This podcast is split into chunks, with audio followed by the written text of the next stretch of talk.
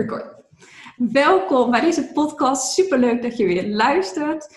Uh, vandaag heb ik een interview samen met mijn coach, mijn business coach Tineke Zwart. En ik zit inmiddels bij haar aan de tafel in de Koolhaven, waar ik vroeger zelf ook heb gewoond. Dus dat is extra leuk om hier weer in Rotterdam bij jou te zijn. Tineke, super tof dat we dit gaan doen. Dank je wel voor je tijd alvast. Ja, super leuk dat je er bent voor de tweede keer eh, bij mij aan de Koolhaven. We wilden net al lekker buiten gaan zitten met het mooie weer, maar dat lukte dus even niet. Dus lekker zo aan tafel. Maar uh, heel tof, ik heb zin in het gesprek. Ja, Um, we gaan natuurlijk een stukje hebben over vanuit je hart leven, eh, vanuit je hart je onderneming, misschien je business, hoe jij dat ziet. Dus ik ben eigenlijk allereerst heel benieuwd van, heb je altijd die vertaalslag kunnen maken vanuit je hoofd naar je hart en je lichaam? Of heb je vroeger, net als ik, eigenlijk ook heel veel geleefd vanuit je hoofd? Ja, goede vraag. Lekker meteen de diepte ook uh, in. Nee, ik heb er altijd, ja, weet ik niet eerlijk gezegd. Ik moet eerlijk zeggen dat ik er nu heel bewust van ben op de een of andere manier. Dus nu ben ik me heel bewust van wat het betekent wanneer je in je hoofd zit, wanneer je in je hart zit. En ik merkte wel dat ik vroeger altijd wel een soort, een heel sterk kompas had. Dus ik wist altijd wel heel goed intuïtief wat ik wilde. En ik liet me daar ook echt niet tegenhouden. Zoals dat ik bijvoorbeeld op een achttiende al uh, naar het buitenland ging. Mm. En ook echt als nuchtere Fries, waarvan ik wist dat mijn ouders daar ook niet per se om stonden te springen. Ik durfde het wel aan. Maar ik merkte wel dat als ik dat soort beslissingen nam, dat ik het veel meer nog daarna kapot dacht in mijn hoofd. Dus ik weet dat toen ik besloot om naar het buitenland te gaan, dat ik daarna echt een maand lang ook heel slecht heb geslapen. Omdat ik echt dacht, oh wat heb ik gedaan? Ik kon me dan zelf meer voor mijn kop slaan achteraf. Maar verder heb ik het altijd wel vanuit mijn hart ook gedaan. Maar ik was er totaal niet bewust van dat dat uit mijn hart uh, was. Het enige moment wat ik me kan herinneren dat ik echt mezelf een beetje verloor in het hoofdstuk, was toen ik ging ondernemen met mijn ex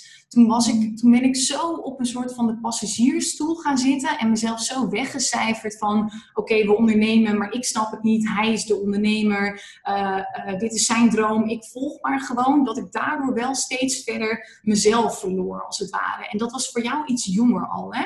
Dat je dat had.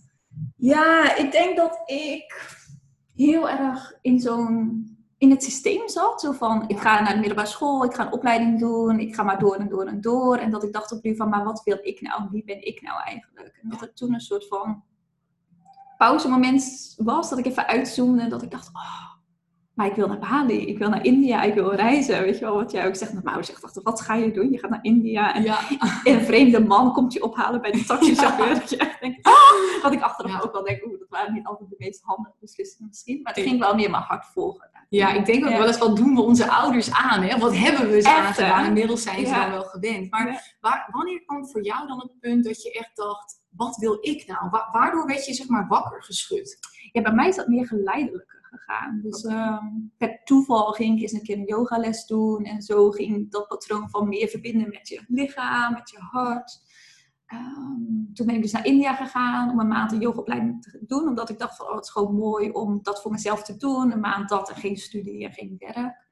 En toen kwam eigenlijk het omslagpunt, denk ik ja, langzaam aan dat ik dus naar Bali ging, daar meer ging reizen, meer dingen vanuit mij doen. En ik had dus letterlijk af en toe de afstand nodig van Nederland, van het systeem. Ik heb dat precies hetzelfde. Ik herken me ook heel erg in jouw verhaal wat dat betreft. Ik weet nog dat er intuïtief iets was op mijn achttiende wat mij vertelde, je mag hier weg, uit Friesland dan in mijn geval. En ik weet nog dat, dat die afstand die je dan zeg maar fysiek neemt van je familie, mhm. van waar je bent beïnvloed, waar je bent besmet, zeg ik wel eens, dat dat letterlijk helpt om jezelf te ontdekken ook. Reizen is wat dat betreft zo'n tool. En soms doen mensen het om, om ergens aan te vluchten, zeg maar, te ontvluchten. Mhm. En dat werkt meestal niet helemaal, want je neemt het gewoon lekker met je mee. Maar het helpt wel om dingen te, te um, ja, een beetje uit te zoomen en dingen beter op te lossen. Hoe, hoe zie jij dat? Ja, ik was denk ik altijd wel een beetje gevoelig voor de mening van mijn familie of van vrienden. En als ik dan in Bali was, dan hoefde ik daar niet zo heel veel rekening mee te houden. Of naar die verjaardag van vriendinnen waar ik dan niet zo heel veel zin had, als ik heel eerlijk was. En dan had ik een soort van excuus om te zeggen, ja, ik ben in Bali het komende half jaar.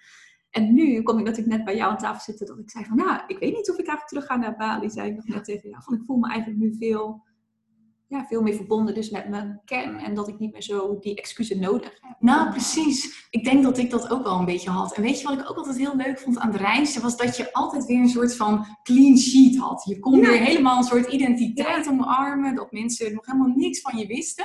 Dat vond ik altijd heel tof. En nu merk ik dat ook. Ik voel ook veel meer rust. Misschien komt het omdat we ouder zijn geworden. En dat we gewoon meer behoefte hebben aan settelen en zo.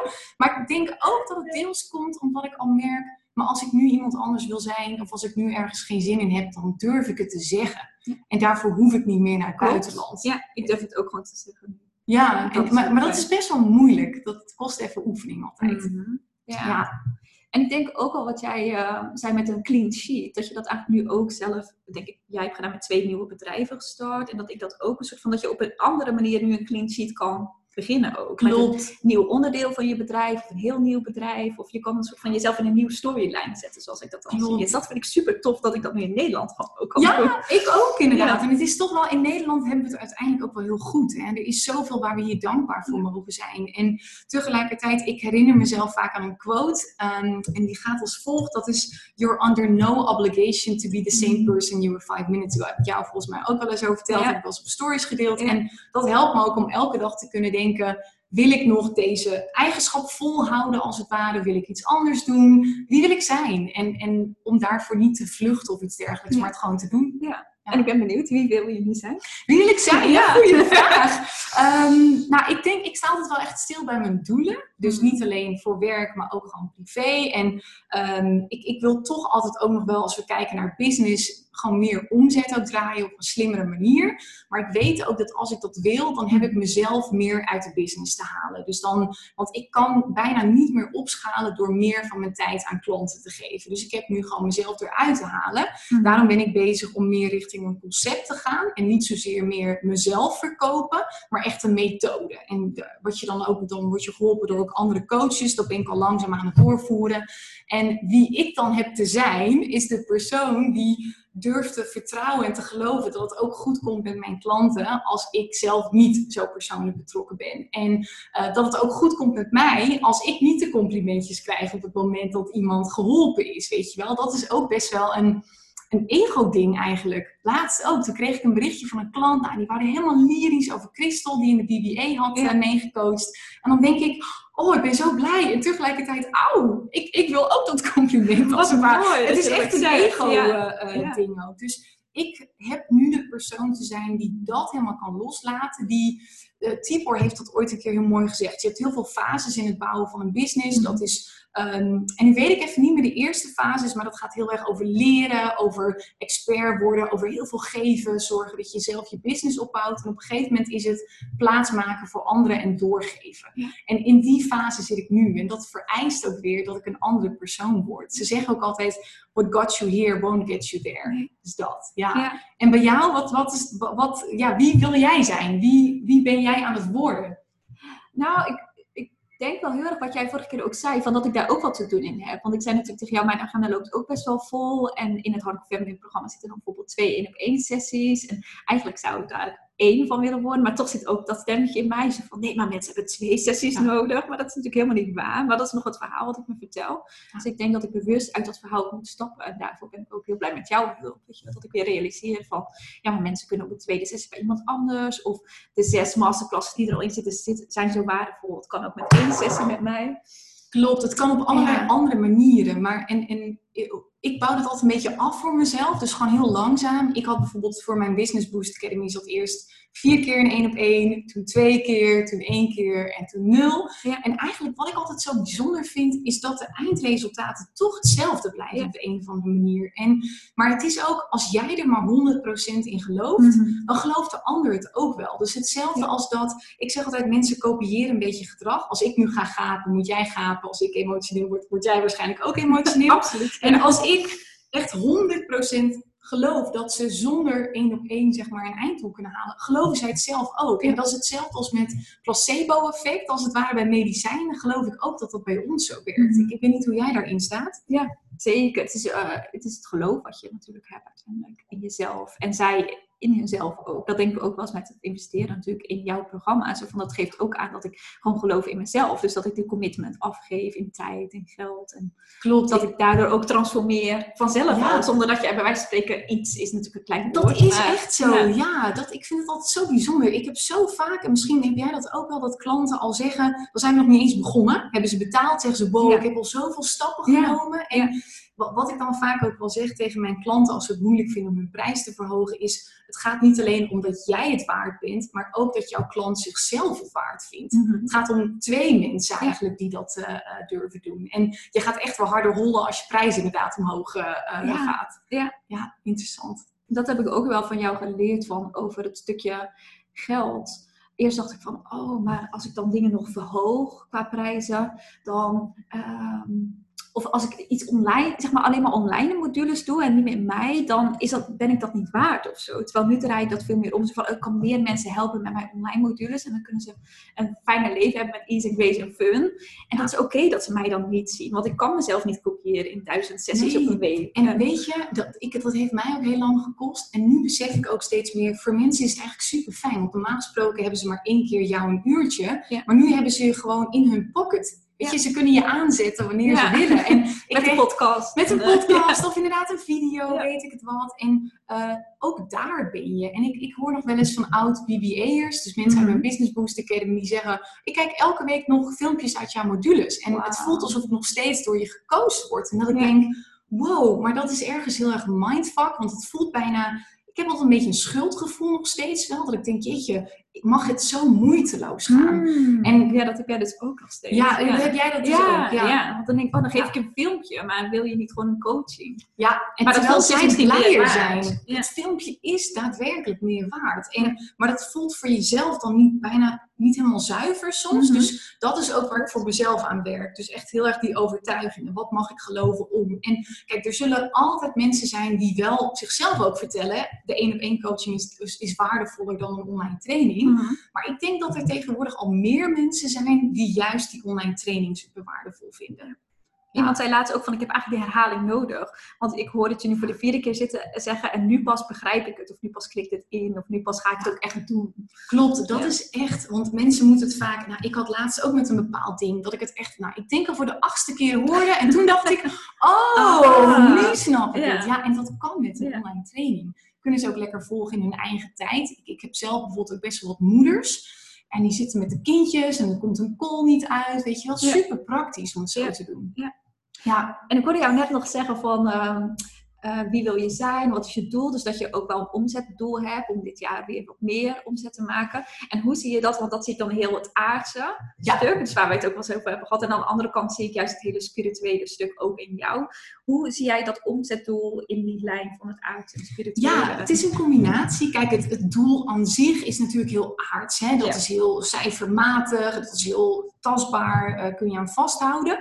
Ehm, verder zie ik het ook alweer als spiritueel, want dat cijfer is voor mij altijd een uitnodiging Mhm. om de persoon te worden die dat kan realiseren. Dus dat vraagt letterlijk een spirituele transformatie van mij. Ja. Dus, dus ik zie altijd dat het aardse is vaak een gevolg van het spirituele. En eh, ik ben nu dan bijvoorbeeld de afgelopen tijd, ik heb niet meer echt business coaching. Ik zit wel in een mastermind en ik heb nog heel veel contact met Veronique. Wij, wij helpen elkaar zeg maar een beetje de laatste Mhm. tijd. Mijn oud business coach is dat. Ehm, maar ik ben veel meer bezig met het spirituele. Dus mijn mindset, mijn intuïtie, weet ik het wat. En ik weet gewoon dat dat nodig is om dat aardse cijfer te kunnen behalen, als het ware. Dus voor mij is dat echt. Het, het, het lijkt aards, maar het is heel spiritueel. Het is echt 50-50 Ja. wat dat betreft in mijn geval. En ik, ik vlieg het ook wel heel spiritueel aan. In die zin dat ik niet, ik denk het niet kapot van, oké, dus mijn omzetdoel was eigenlijk een miljoen, nu is het 650.000. Ik heb het een beetje verlaagd. Eh, het is niet zo dat ik al helemaal heb vastgelegd wat ik wil doen, wanneer. Daar, daar hou ik niet van. Ik ben meer van, nou, wat jij ook hebt, dat flowen en een Mhm. beetje zien. Ja. Dat vind ik eigenlijk ook alweer vrij spiritueel. Want, want hoe zie jij dat? Is, zie je dat een beetje hetzelfde of, of anders? Ja, ik zie wel heel vaak heb ik het over doelen en intenties. Dat de doelen misschien meer de yang-kant is en de mannelijke kant, als we dat helemaal smart maken. En dan vervolgens moeten we er ook helemaal voor gaan als we niet halen, dan hebben we gefaald. Weet je wel, en intenties zitten, is dan meer een richting, een gevoel. Maar ik denk juist als je die twee kan combineren, dat je heel sterk staat. Dus dat je wel een concreet doel maakt, wat jij dan zegt, 650.000 euro, dat is mijn doel. Uh, maar dat je wel met zachtheid en met flow ernaar kijkt. Ja, en dat is wel eens wat ik zie dat mensen of te hard zijn en in die yang aardse heel erg zo van oké, ik moet het gedaan krijgen, ik moet het gedaan, dan in de verharding komen.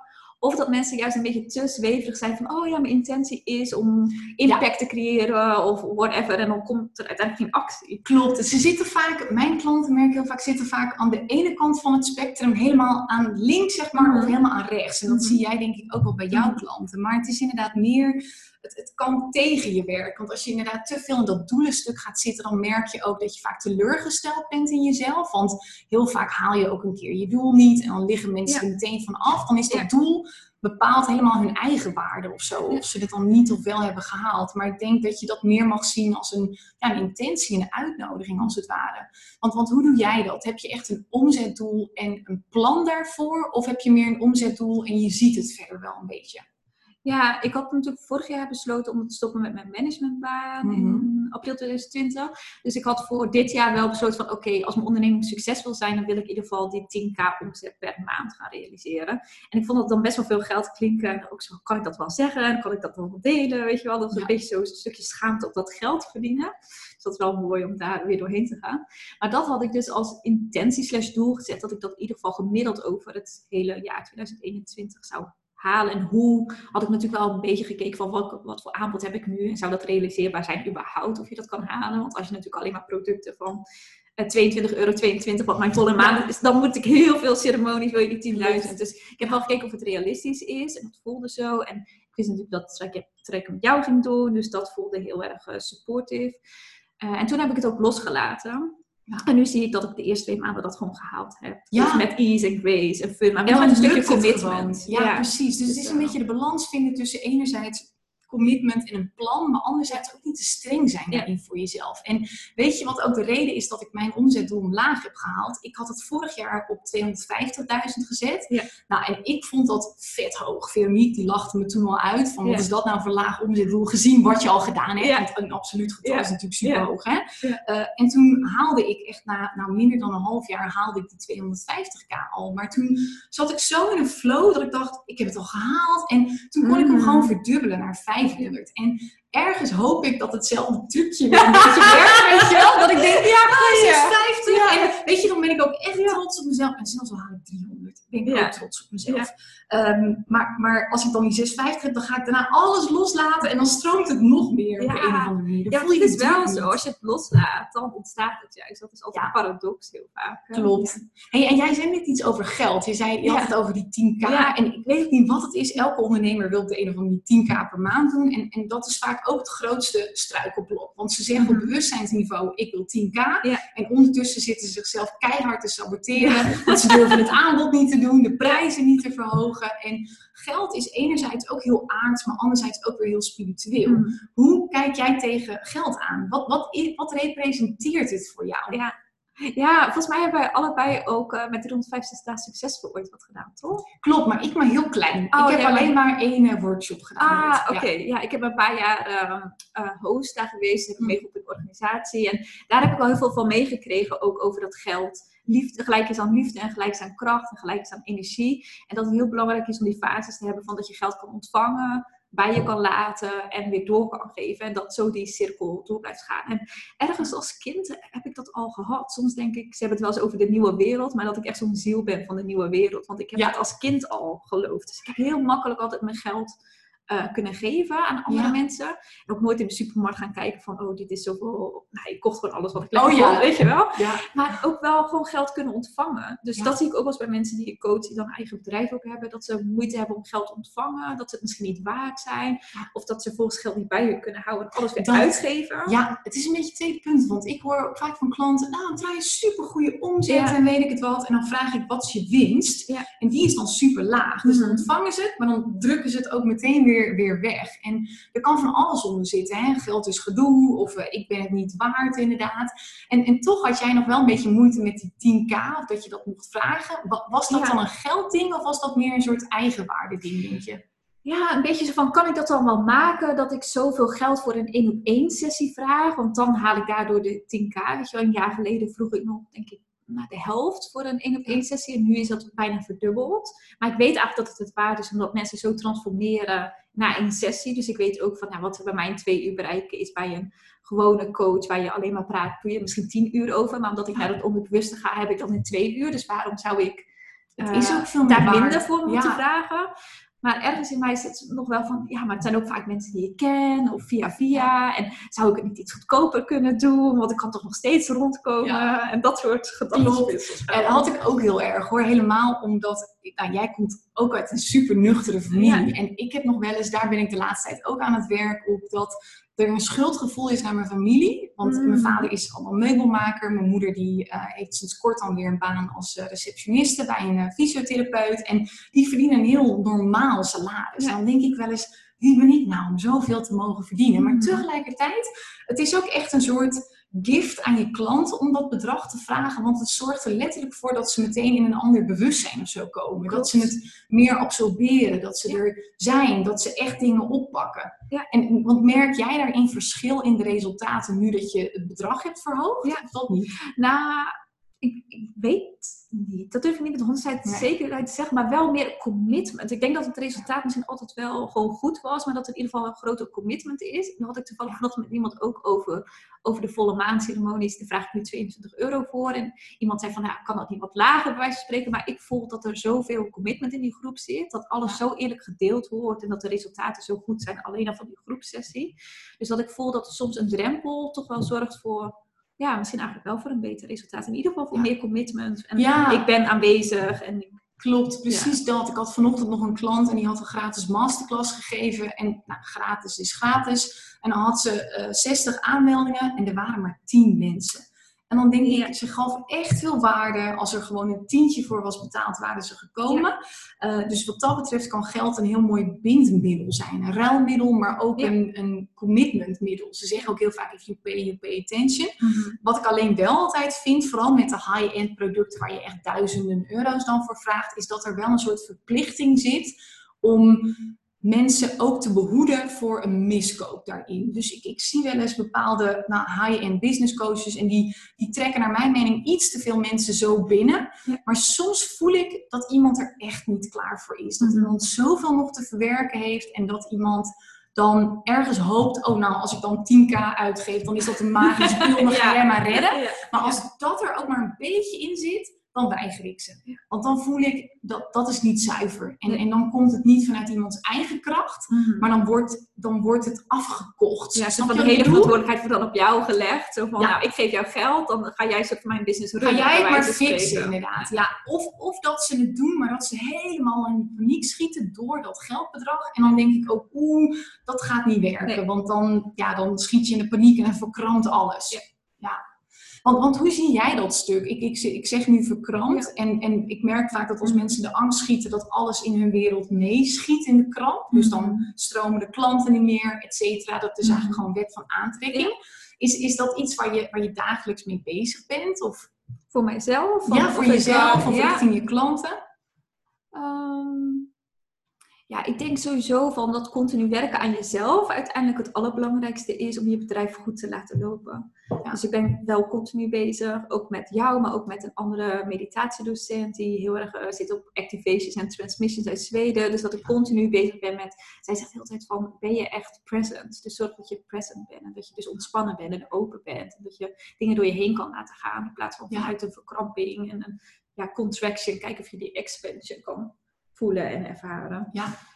Dus dat doe ik niet echt bewust achter mijn laptop, zeg maar. Maar ik zorg dat ik genoeg tijd neem om dat daar mezelf aan te herinneren. Ja, precies. Ik, ik doe dat ook op die manier. En dat heeft zo mee te maken. Ze zeggen ook heel vaak, je krijgt niet wat je wilt. Of je trekt niet aan wat je wilt. Maar wat je vibreert, wat je uitstraalt, zeg maar. En dat is zo waar. Ik merk ook sinds dat ik eh, weinig verwachtingen heb, maar heel veel waardering, Hmm. dat alles ook veel moeitelozer naar me toe komt. Mensen vragen me dan ook wel eens, hoe komt het dat jouw programma's overal wachtlijsten eh, hebben? Ja, en dan ja. denk ik, ja, tuurlijk, ik heb een funnel, ik adverteer elke dag, dat soort dingen. Maar er is ook een soort van gratitude of zo, dankbaarheid, een bepaalde energetische vibratie. Ja. En ik las laatst ook een artikel dat mensen 600.000 keer sneller onbewust informatie kunnen processen.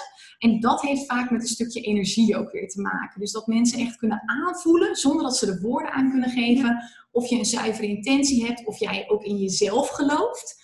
En, en daar zit zo'n groot stuk voor ondernemers om aan te werken.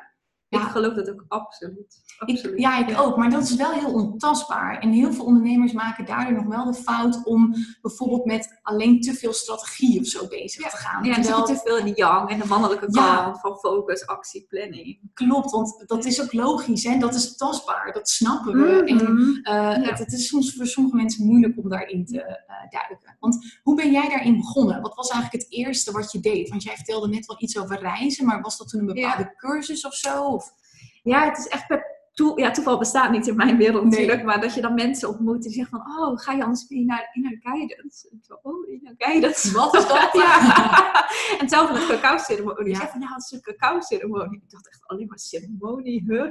Ja. Wat moet ik daarmee doen? Maar ik ben wel iemand die dus uit, eh, ja, aangaat op die uitnodiging. En zegt van, oké, nou, dan ga ik dat eens doen. En uit mijn comfortzone bereid ben om te gaan. Om het gewoon te ontdekken van, oké, ik ga het gewoon doen. En dan kan ik altijd zeggen, ja, dit vind ik fantastisch of nee, dit is niks voor mij. En toen bij Inner Guidance was ik dus echt helemaal eh, blown away van het resultaat toen ik daar zelf op de mat lag. En toen wist ik zeker, ja, dit is de opleiding die ik ook heb te doen. Ja. En bij de cacao-ceremonie had ik hetzelfde, dat ik echt zo mijn hart hoorde fluisteren of zo schreeuwen van breng dit naar Nederland. Dus eigenlijk door de tools die ik zelf heb ontdekt, heb ik die weer doorgegeven in mijn bedrijf. Ja, precies. En ben ik zelf ook getransformeerd continu.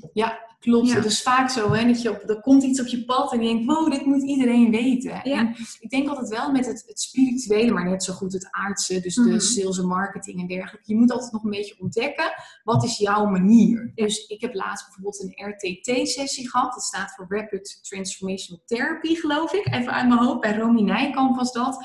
Voor mij werkte dat fantastisch. Ik heb daarin echt, nou, ik ben een beetje bezig nu om van mijn migraine af te komen. Dat heb ik nog steeds één keer per maand. Uh, en dat heeft het al met nou, zo'n 50, 60 procent verminderd. Echt super tof. En uh, iemand anders was ook bij er geweest. En die zei, het kwam niet binnen op de een of andere manier. Of het, ik voelde het niet helemaal. En ja, weet je, dat, dat kan ook. Voor iemand anders kan bijvoorbeeld healing dan weer werken. Of Ja. gewoon een boek lezen. Ja, er zijn zoveel verschillende manieren of wegen naar Ja. Rome natuurlijk om te bereiken. Dus ik denk dat je gewoon veel dingen moet uitproberen. Maar dat je in ieder geval wel bewust moet zijn van dat... Ik geloof niet meer in de hele tijd dat continu aanstaan en maar bezig zijn en doen, doen, doen. Ik denk dat er veel meer voor nodig is. Wil je ja, een goede onderneming kunnen runnen of gewoon een Ja. fijn leven. Klopt, dat denk ik ook. Ja. En ik had toevallig deze week nog een filmpje over geplaatst in de Business Boost Academy. We hadden een vier het op vrijdag gedaan, wat we ook altijd in de Transformers doen.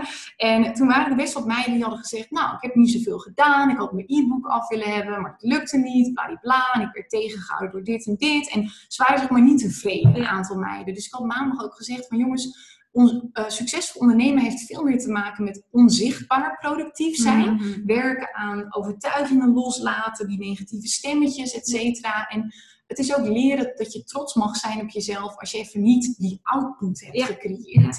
Maar ook gewoon ja, met jezelf hebt gezeten of letterlijk Ja. in bed hebt gelegen Ja. de hele dag. Ja, En heel vaak onder die ijsberg, hè, onder de oppervlakte, wordt er zoveel gedaan. Maar dat kan ons brein niet bij. Dus dan denken we heel vaak van, oh shit, we hebben niks gedaan. Ja. Maar ik heb zoveel geleerd dat juist dan dingen gebeuren. klopt. Of dat dan op die energie de mensen juist naar je toe komen. Of dat er dan niet Ja. staan. Maar dat is zo moeilijk om dat los te is heel laten. moeilijk om los te laten. Ik had dat ook met mijn migraines in het begin. En ik denk dat dat ook een onderdeel is geweest dat ik het nu los kan laten. Als ik migraine had, was er alleen maar schuldgevoel. Want dan Ah. moest ik echt, nou, per direct moest ik mijn klanten afzeggen.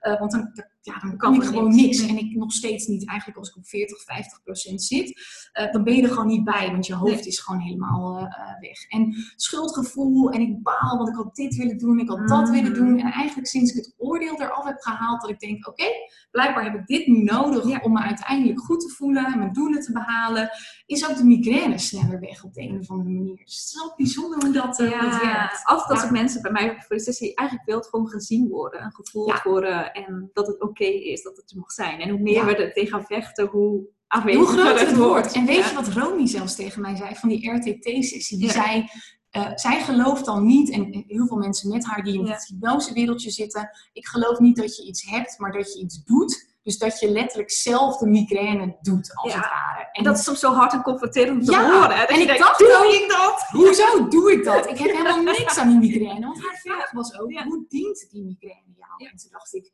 hoe dient het mij? Helemaal niet. Weet je, ik wil er vanaf. Ja. Maar toen Maar kwamen we stiekem, erachter... de secret, benefit secret, er zit iets onder Ja. en dat kwamen we achter. En toen was ik ook echt mind blown. Ze zei, wat is het voordeel van die migraine? En toen zei ik dat ik de hele dag gewoon spontaan vrij kan zijn. En dat ik kan helemaal liggen. niks Ja. moet doen, Ja. in bed kan liggen. En toen dacht ik, shit, Ja. het dient me inderdaad op een Ja. bepaalde manier. En dat is vaak zo met andere dingen. Want misschien herken jij dat ook wel bij je klanten. Dan zeggen ze, ik wil niets liever dan dit en dit. Ja. Maar, maar ze nemen niet de acties daarvoor. Ja. Dus ze willen iets anders, willen ze Liever. liever. Ja. ja. absoluut. Hey, en hoe zorg jij voor jezelf dat je die balans blijft vinden tussen zeg maar enerzijds aanstaan en anderzijds een soort van relax ook? Ja, ik heb wel gezorgd, dus eh, met een stukje waar ik altijd veel over praat, over proactief leiderschap. Ik denk dat dat vanuit mijn managementbaan, ik vind leiderschap gewoon super interessant, maar dat je, het allerbelangrijkste is dat je zelf leiderschap hebt. Zo Ja. zie ik het. Dus ik heb mijn agenda al voor heel het jaar gepland, een soort van globaal, en dan mag ik aan afwijken. Maar ik heb in ieder geval om de zes weken heb ik een week vrij en heb ik met mezelf afgesproken dat ik dan kan kiezen of ik dat echt vrij neem, of dat ik aan mijn bedrijf ga werken, of wat het dan ook is, maar dat het niet volgepland staat. En dan in de week zelf heb ik maximaal drie eh, dagen aan coaching.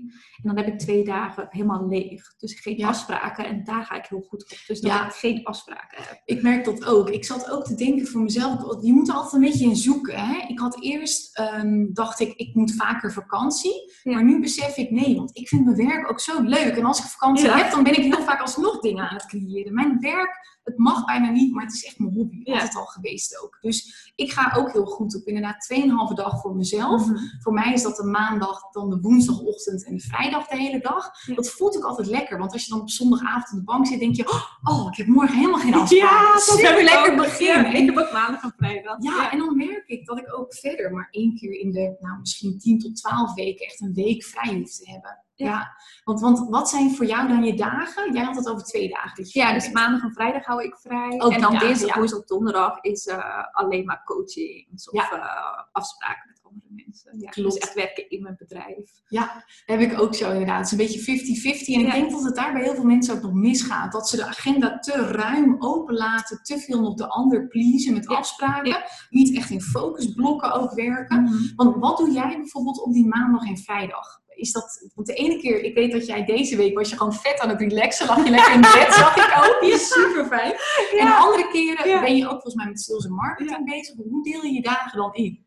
Ja, dus ehm, niet te veel vanuit moeten dan, maar gewoon puur kijken van waar heb ik nu zin in om te doen. Dus, en wat jij ook zegt van mijn werk is ook echt wel mijn hobby. Dus het zal niet zo gebeuren zo snel dat ik echt helemaal niks doe. Maar dat ik wel mezelf de ruimte geef. Dus gisteren heb ik echt eh, ja, uitgeslapen. Ben ik een massage ga, eh, Oh, gekregen. lekker. Ja. En toen was ik daarna nog even een rondje gaan lopen. En toen heb ik een nieuwsbrief geschreven, puur vanuit inspiratie. En toen stuurde iemand ook vervolgens terug van... Oh, corona, je bent echt de enige waar ik de nieuwsbrief van lees. Want ze zijn zo vanuit je Mm. hart geschreven. En dan denk ik van, oh ja, dat is weer echt vanuit... Ja, inspired action. In plaats van, oh shit, ik moet nog een Ik nieuwsbrief moet nog een nieuwsbrief. Ja. Ja, Dus daar geloof ik heel erg in. Ja. En eh, vandaag had ik toevallig ook een lege dag gehouden. Want dit is eigenlijk ongeveer mijn eh, vakantieweek. Ik kies voor op toch te werken. Dus om bij jou een podcast te Ja. doen. En ik heb vanochtend bij mijn VA, dat is ook weer nieuw voor mij, om een virtual assistant te hebben. Dingetjes uitbesteed en gaan lunchen met een vriendin. Maar ik heb wel in mijn agenda dus altijd een weekthema erin gezet waar ik dus aan wil werken. Oké. Dus nu, deze week wil ik werken aan weer even opnieuw kijken naar het Hardcore Feminine programma. Of daar alles goed staat. Eh, omdat ik die binnenkort weer ga lanceren. Ja. En dan voor die andere weken had ik, vorige week had ik podcast als doel om mijn eerste podcast te lanceren. En voor, ja, dus zo heb ik wel altijd een week thema dat ik denk hier ik aan Ja, werken. maar dat geeft wel focus inderdaad. Want dat is het belangrijkste. Ik zeg altijd, je hebt helemaal niet zo heel veel tijd nodig om eh, een goed bedrijf te bouwen, een succesvol Ja. bedrijf, maar meer focus en Mhm. duidelijk waar je aan wilt werken. En nu had ik nog een vraag net. Oh ja, want jij zegt dan inderdaad, ik heb dan een bepaalde eh, focus, ik heb een bepaald thema waar Ja. ik aan werk, maar ik weet dat heel veel mensen dat ook hebben. Mhm. En dan doen ze het niet. Dan is er uitstelgedrag, Ja. dan is er teleurstelling. Nou, dan kom je in zo'n visuele cirkel Ja. terecht waar je, waar je nooit meer uitkomt. Wat, wat is jouw advies altijd aan mensen die, die gewoon niet aan hun eigen plan kunnen houden, als het ware? Ja, ik kijk wel eerst dan of er iets dus onderbewust is waarom ze het niet doen. Ja. Dus wat is de reden? Gun je jezelf inderdaad niet dat project of dat doel of dat financieel iets. Dus dat je daar eerst naar kijkt. Maar dan daarna is het ook wel gewoon waar commit je aan en hoe ga je dat dan doen. Dus sommige mensen hebben meer handvaten nodig bij hoe. Hè, focusblokken van anderhalf uur of telefoon weg. Of, ik had laatst eh, iemand die ik drie maanden coachte. Heeft de social media apps een tijdje verwijderd. Omdat dat gewoon zo automatisme was om te doen. Ja. Of ik kan ook wel tips delen vanuit mezelf soms met mijn eh, mensen die ik coach. Dus ik doe bijvoorbeeld ochtends, maandag, woensdag en vrijdag een power start. Doe ik online mee om Oh, ja, 7 uur. vertelde je. Ja. Ja, en dat soort van accountability naar mezelf. Ja. Dus dat ik dan om 7 uur in ieder geval eruit ga. Want anders dan gaat mijn telefoon me wekken en denk ik, ja, kan ik blijven liggen?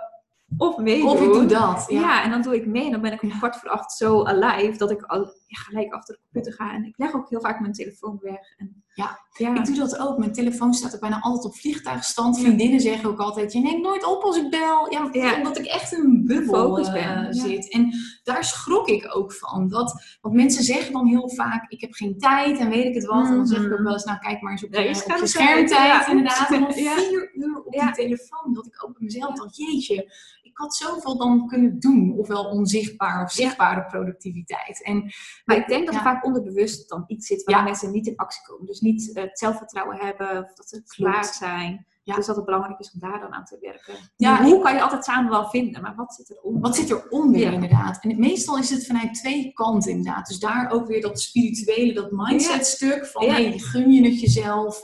Eh, heb je moeite met geld of Mhm. wat dan ook? Mhm. Maar soms merk ik ook dat mensen echt te hoge verwachtingen hebben van zichzelf. Ik zag laatst ook een to-do-lijst. Nou, dat was, dat was niet eens een lijstje, het was een boek, zeg maar, met to-do's. Voor één dag. En ik zei, holy shit, wat, Ja. dit, moet je dit Hoe allemaal dan? van jezelf? Hoe Ja. dan? Maar ook daar zit vaak weer een overtuiging onder. Mm. Want dat is dus letterlijk jezelf zoveel werk geven dat je onderbewust al lang Ja. weet, het ga je Ik ga halen. falen. Ik ga falen om dat maar weer te bevestigen aan jezelf. Voor, voor mij was dat echt een life changer. Toen iemand ooit tegen mij zei: Tineke, je brein heeft als enige functie om continu datgene wat jij gelooft te bevestigen aan Mhm. jezelf. Dus als jij dan inderdaad gelooft. Ik ben niet goed genoeg, ik krijg nooit dingen op tijd af. Ga je jezelf onbewust zo gedragen dat dat ook bevestigd wordt. En toen dacht ik, shit, maar dit verandert alles. Mhm. Alles Ja. is in taal en in programmering. Klopt. En hoe je naar de wereld kijkt, hoe je naar jezelf kijkt. Ja, en, en, en daar zit zoveel nou, magie eigenlijk nog. En dat is Mhm. echt wel onderbelicht. Ik weet dat jij het natuurlijk heel veel doet, dus dat werk is echt super belangrijk. Wordt ook veel meer gedaan. Ehm, maar, maar het is eigenlijk nu pas. Ja, ik Ja. weet dat ik vroeger echt de weird one was in mijn familie. Ja. En nu dat er laatst ook tegen mijn oom werd gezegd door de fysio, misschien moet je eens yoga doen, weet je wel? Misschien moet je eens Ja. naar die spirituele kant. En niet omdat dat dan per se zweverig is of anders is, maar omdat het je echt kan helpen. Omdat het helpt. Ja. En ik merk wel vaak dat daar ook nog een overtuiging zit bij heel veel mensen. Dat ze dat niet durven ownen. Mhm. Dus dat spirituele durven ze niet ownen. Ik had vandaag ook weer drie over mij pagina's. En er stond al letterlijk ook weer bij. Oeh, is het niet te zweverig? En dan denk ik, Mhm. nee, laat dat stuk er zijn. En. Maar, maar daar, daar zit Maar jij deelt dat ook veel meer, denk ik, dan Ja. een jaar terug. Of Klopt. jaar. Ik weet niet, hoe is dat proces gegaan voor jou? Ja, voor mij was dat ook best wel moeilijk, eerlijk gezegd. Want, en ik moet eerlijk zeggen dat ik in het begin ook niet per se heel veel mee had. Ik, ik deed dan een beetje met mindset, eh, maar dat was dan heel aards aangevlogen, heel praktisch. En Mhm. ik hou er nog steeds van om het praktisch te maken. Ehm, maar, maar nu ben ik echt meer met het ontastbare bezig. Dus healings en echt intune op je gevoel en weet ik het wat allemaal. Kan, ik snap Ja. ook echt allemaal niks van, maar ik hoef het ook niet te begrijpen. Ik voel dat het me helpt en daarmee is het oké. Ehm, En hoe dat kon je proces is ja, gegaan? over delen? Nou- of durfde je dat in het begin niet? Of- Nee, durfde ik niet. Ik, ik, ik weet nog dat ik er in, eh, wanneer was dat nou? Oktober 2018 ben ik er voor het eerst mee in aanraking gekomen. Dat kwam omdat ik toen via Marissa Klauwer, nee sorry, ik hoorde volgens mij via Charlotte van het Woud, Mhm. hoorde ik voor het eerst over Marissa Klauwer. Ja. Nou, dan heb je iemand hoog zitten, dan denk je, oh nou, als zij er naartoe gaat, Ja, dan, kan ik er ook wel eens naartoe. Ja. Eh, laat je je gewoon echt leiden. En ik, ik las echt, nou, zij had echt iets van 300 referenties op haar website. En die referenties hebben me over de streep getrokken. Was toen ook 150 euro, dat ik echt dacht, nou is dat maar zo duur. Mm. dat je er zo over gaat denken. Nou, en toen lag ik daar en eh, wow, ik weet niet wat ze deed. Ze heeft me met geen vinger aangeraakt, maar ik heb gehuild. Ik heb hysterisch gelachen. Ik heb me eenzaam gevoeld. Ik heb me intens verbonden gevoeld. Dat ik wel dacht, oké, dit was niet zomaar even liggen. En toen is er bij mij wel daarna ook iets geshift. Toen durfde ik zichtbaar te zijn. En daarna ben ik dat blijven doen. Ben ik me gaan verdiepen in andere dingen. En um, met dat mijn netwerk om me heen steeds groter werd in dat ja, spirituele wereldje, durfde ik er ook steeds meer over te delen. En nu pas ben ik eigenlijk op het punt dat ik er full ownership in durf te nemen. Mm. Hoe was dat bij jou? Uh, ja, sommige mensen zeggen volgens mij nog steeds wel tegen mij van je komt zo zweverig over of zo. Maar dan probeer ik me ook wel te, aan te herinneren van zijn dat altijd mensen die ik zou kunnen helpen en die voor openstaan. Ja. Meestal is dat dan niet zo. Dus ik probeer wel veel te delen. Maar ook niet te vergeten de praktische dingen. Want ik ben ook nog steeds heel praktisch. En ik vind management ook nog steeds heel leuk. En leiderschap. Ja, jij hebt die beide kanten ja, Ja. Dus daar moet ik mezelf nog wel eens aan herinneren. Wat jij van de week had gedaan. Dat je bij de McDonald's was gaan eten of zo. Weet je wel, die kant kan oh, je ook hebben. Dat ik na een ceremonie gewoon zin heb in frietjes of een zak chips leeg te eten. Om gewoon ook weer dat aardse te hebben. Dus ik denk dat ik wel al gewend was om het spirituele heel erg te delen. Maar dat ik juist wat meer de de aardse ja, kant. Ja, bijzonder hè? Dat ik juist de nou, andere kant had. Grappig inderdaad. En ik merk wel dat als je dus die beide kanten laat zien, dat het dan op de een of andere manier nog makkelijker stroomt. Ik merk ook, ik had daar vanochtend een live over gedaan in een van mijn groepen, dat als mensen jou in een boxje kunnen plaatsen, zo van, mhm. oh, maar zij doet dit en zij eet dat en zij doet zus en zij doet zo, wat we helemaal niet willen, maar dat willen brein nou eenmaal. En zijn ze ook gewoon mens. Zijn ze ook gewoon mens, dan worden ze sneller klant. Want ik had dat met die McDonald's ook. Nou, op zo'n moment ga je jezelf vertellen: dit is niet boeiend, ja. wie boeit dit, weet je, dit is helemaal niet waardevol. Nou, ik heb denk ik echt 60 berichtjes gehad daarop. dat ik ook echt tegen Tristan zei: holy shit, ik moet dit niet meer doen, want ik krijg veel te veel berichtjes. maar, maar dat maakt je mens, inderdaad. Dat, dat, dat klassificeert iemand, misschien waar, waar mensen dan tegenop kijken, in één keer in de normale persooncategorie, inderdaad. Ja, en ik geloof uiteindelijk ook van dat er een heel stuk balans zit in wat we net zeiden tussen die yin en die yang. Hè, dus van het ontspannen en het strategie focus, maar ook dus in het aard en het spirituele. Dat die zak chips of die hè, frietjes horen er ook bij. En dat spirituele, ja, daarvoor word je juist volgens mij de meest effectieve persoon die het meeste kan betekenen ja. voor iedereen om haar of zijn heen. Klopt, dat denk ik ook. En je hebt een beetje die balans te vinden inderdaad. En ik, ik, ik heb ook wel eens gehad, toen had ik het idee dat ik te veel in het spirituele zat. Mm. En ik weet nog, dat was echt, ik heb dit nog nooit aan iemand verteld. ik, Kom maar ik weet nog dat ik ja. een paar healings had gedaan met Marissa. En toen dacht ik, holy shit, ik vertrek letterlijk uit mijn lichaam. Ik mm. voelde mijn vingers niet meer en ik dacht echt, wat is dit? En mm. het voelde ergens heel lekker, want je ontsnapt aan de huidige realiteit. Maar ik dacht, nee, ik ben hier met de reden. En toen heb ik echt om één uur middags, ik had ooit gelezen, alcohol is lage frequentie. ik heb een fles wijn gepakt en ik heb een paar slokken genomen. En ik dacht, volgens mij kom ik dan terug op aarde of zo. Nou, en ik weet ook niet wat me bezielde. Maar toen voelde ik me wel beter. Dat ik ook dacht, oh ja, nou, volgens mij is dit dan af en toe ook nodig. Geniaal. Dit was echt zo typisch toen. Dat was ook één ding waar ik aan dacht. Oh ja, wijn, wijn drinken. Ja. En vlees. Maar geen vlees in huis. Fles wijn stond er nog. Heel apart. Maar ja, ik, ik, denk dat het die, ja, die, balans. Want als je die niet hebt, dan is het of te veel in het, in het uh, zweverige wereldje. Ben je aan het mediteren en hopen dat als jij iets denkt, dat het moeiteloos opeens naar je toe komt. Maar, maar je zult er actie voor moeten nemen. En als je dat zweverige dan weer niet hebt, dan is het te hard voor jezelf. Over je grenzen heen gaan, nooit tevreden. Mhm. Ja, het is die balans.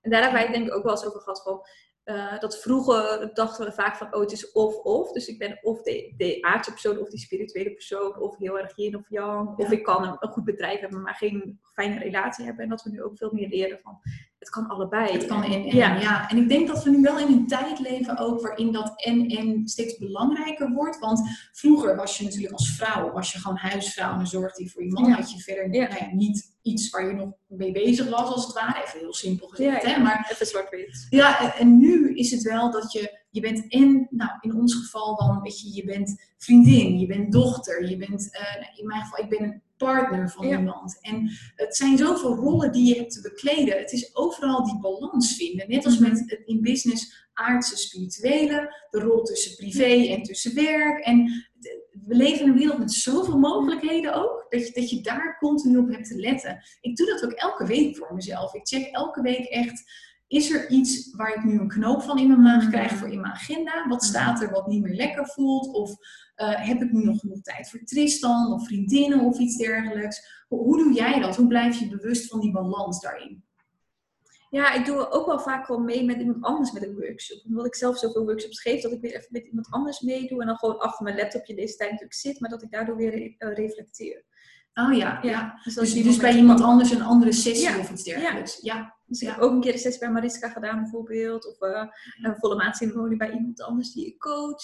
En dat helpt ook gewoon om even uit te zoomen. En ik denk dat ik altijd daar onbewust best wel snel mee bezig ben. Dus dat ik mezelf heel snel kan bijsturen. Dat het eigenlijk wel in mijn systeem zit. Nou, en op een gegeven moment weet je ook gewoon heel goed wie je bent. Wat je wilt, wat je niet wilt. Wordt, wordt dat gevoel ook steeds zuiverder op de een of andere manier. En durf je daarna te handelen. En dan kun je heel snel bijsturen. Mhm. Ik zei dat laatst ook nog, volgens mij was dat in de Transformers groep is er een course correction die je mag nemen. Ja, dat is, ja, er is altijd wel ergens waar je een verkeerd pad in bent mhm. geslagen. Zoals dat ik dat eh, een tijd geleden had, dat ik uh, aandeelhouder was geworden bij Woodhunt. Prachtig bedrijf, maar, maar even niet voor mij. En dat ik ook dacht, ja, dit was even een verkeerde beslissing. Super leerzaam. Ik mag weer even een course correction. En weer terug op mijn mhm. eigen pad. Ik denk alleen dat er heel veel mensen zijn die te lang nog op het pad blijven wandelen wat gewoon totaal niet voor hen doet is. Of tenminste, waar, waar ze niet het geluk vinden wat ze, wat ze zoeken.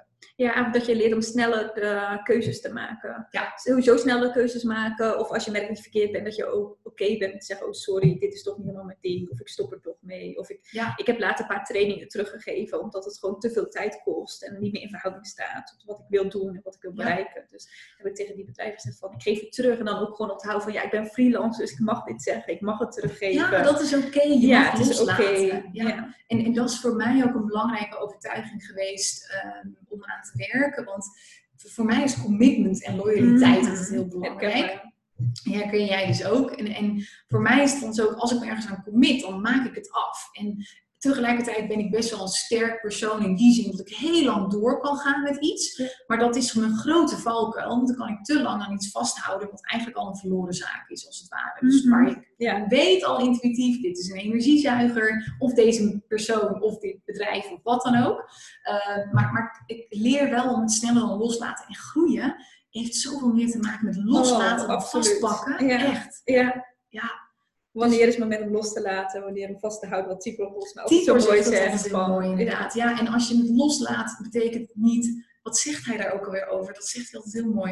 Dat betekent niet dat jij er geen controle meer over hebt, maar dat het geen controle over, over jou, heeft. Ja. En toen kwam die ook binnen dat ik dacht, auw, ja. hier heb ik wat mee te doen. Ja. En ik neem die lessen, weet je, ik volg ook maar heel weinig mensen altijd. Ik mm. lees weinig boeken. Maar het zijn een paar van die key lessen die onthoud ik, daar handel ik naar. En verder houd ik het heel zien. Ja. Want, want heb jij dat, jij zegt nog wel, ik volg wel eens workshops, maar lees je ook superveel boeken of ben je een beetje vanuit ik nee, meer? Nee, helemaal niet. Ja, dus een paar workshops, maar puur op mijn gevoel dat ik denk van, oh, daar wil ik even bij zijn voor mezelf, om iets te, ja, eruit te halen of te ontvangen. Maar ik lees eigenlijk nooit geen boeken, podcast heel selectief. Ja, ik heb dat dus ook. Ik heb nu wel weer een fase dat ik best wel podcast aan het luisteren ben, maar ik heb ook al lange tijd niet echt boeken gelezen. Of ik scan af en toe een beetje.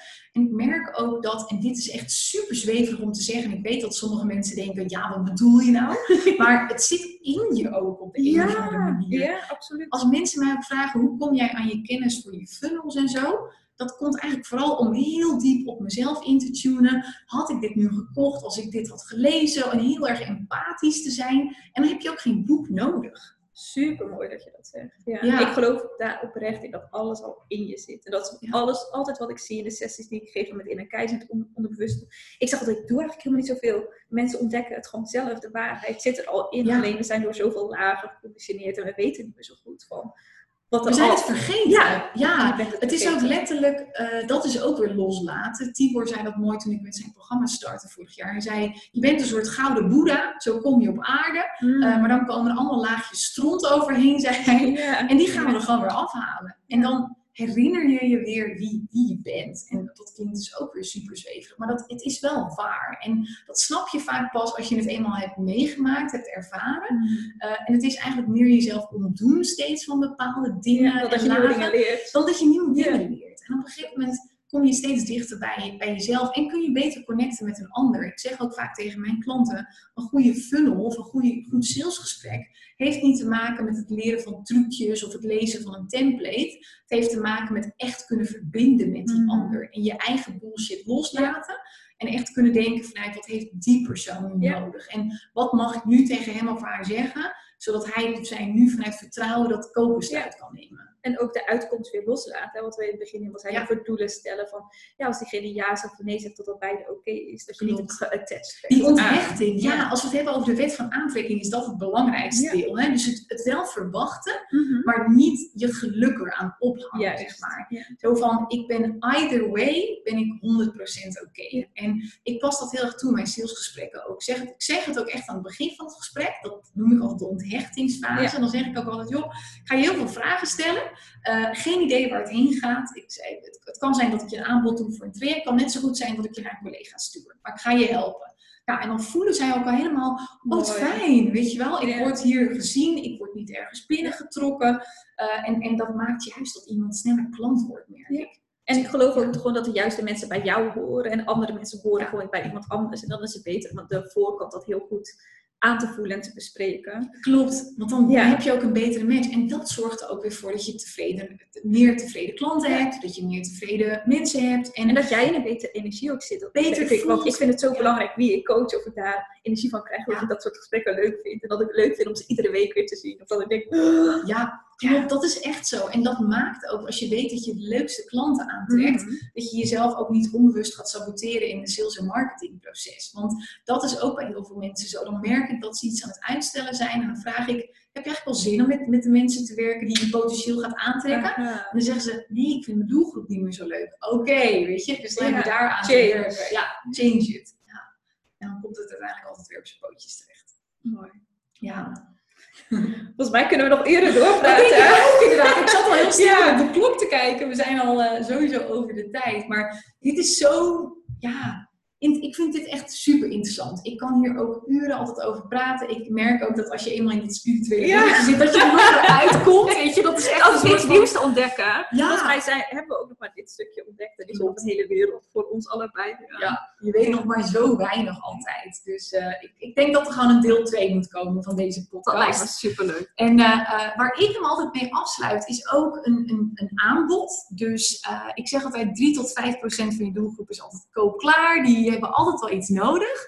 Wat is iets, want, want hij komt op onze beide kanalen te staan, Ja. zowel bij jou als bij mij. Wat, wat is iets waar jij jouw, klant, jouw eh, doelgroep naartoe zou kunnen verwijzen? Misschien de inner guidance sessie of de Ja. ceremonie? Ja, dus als je hem heel snel luistert, aanstaande zaterdag de volle maanceremonie. Maar die geef ik eigenlijk bijna iedere twee weken, net hoe de volle maan nieuwmaan is. En volgende week lanceer ik weer het Hardcore Feminine programma. Wat dan voor de derde Ja. keer start met twaalf vrouwen. Dus uh, Heel tof. Ja. En ik heb die ceremonies ook wel eens gedaan. Het is echt super waardevol. ja, ik heb is nu heel twee leuk dat keer erbij was. Ja. Ja, superleuk. En wat eh, zou tof. jij willen? Ja, ik zat even te denken. Ik zat meer vanuit jou te denken. Oh shit, ik heb natuurlijk ook iets. Ja, voor mij zit mijn programma zit op dit moment allemaal vol. Eh, voor mij is dat echt mijn Transformers Mastermind. Mm. Die heeft net bijna de eerste maand zit erop. Dus dat betekent dat de deuren weer bijna open gaan. Die gaan weer open van 3 tot en met 5 maart. Eh, dus dat is een periode van 48 uur. En dat is echt mijn, ja, mijn membership. Waarin ik je gewoon helemaal meeneem voor echt maar een paar tientjes per maand. Kun je maandelijks opzeggen in gewoon je mentale reis. Enerzijds dat spirituele stuk ook. En anderzijds de, eh, ja, de praktische reis. Gewoon de klantreis. Hoe bouw je een funnel, et cetera. Eh, informatie daarover kun je vinden op simplyconsulting.nl slash transformers eh, streepje mastermind. Dus kijk daar even of via de link in mijn bio of via Tineke laagstreepje zwart. Dan vind je het ook. Dus tof. Eh, ik merk ook altijd, dat is wel leuk. Want ik had eh, laatst met Josine Borges bijvoorbeeld een podcast Ja. opgenomen met Rina Frutaal. Iedereen heeft ook gewoon een klant uit deze podcast gehaald. En wat mooi. ja, dan merk je dat een podcast heel verbindend werkt ook. En dat een aanbod in een podcast ook altijd een, eh, een, een eh, hoe zeg je dat? Een to-do is. Een Ja, ik zou do. dus weer vergeten. Ja. Dus dat is goed dat je Nee, daar was ik je aan. Ik ben altijd gefocust op sales. Nee, heel leuk. Dus uh, superleuk, dankjewel. Ja, jij bedankt. Super gedaan. En uh, bedankt voor het luisteren. Absoluut, dankjewel.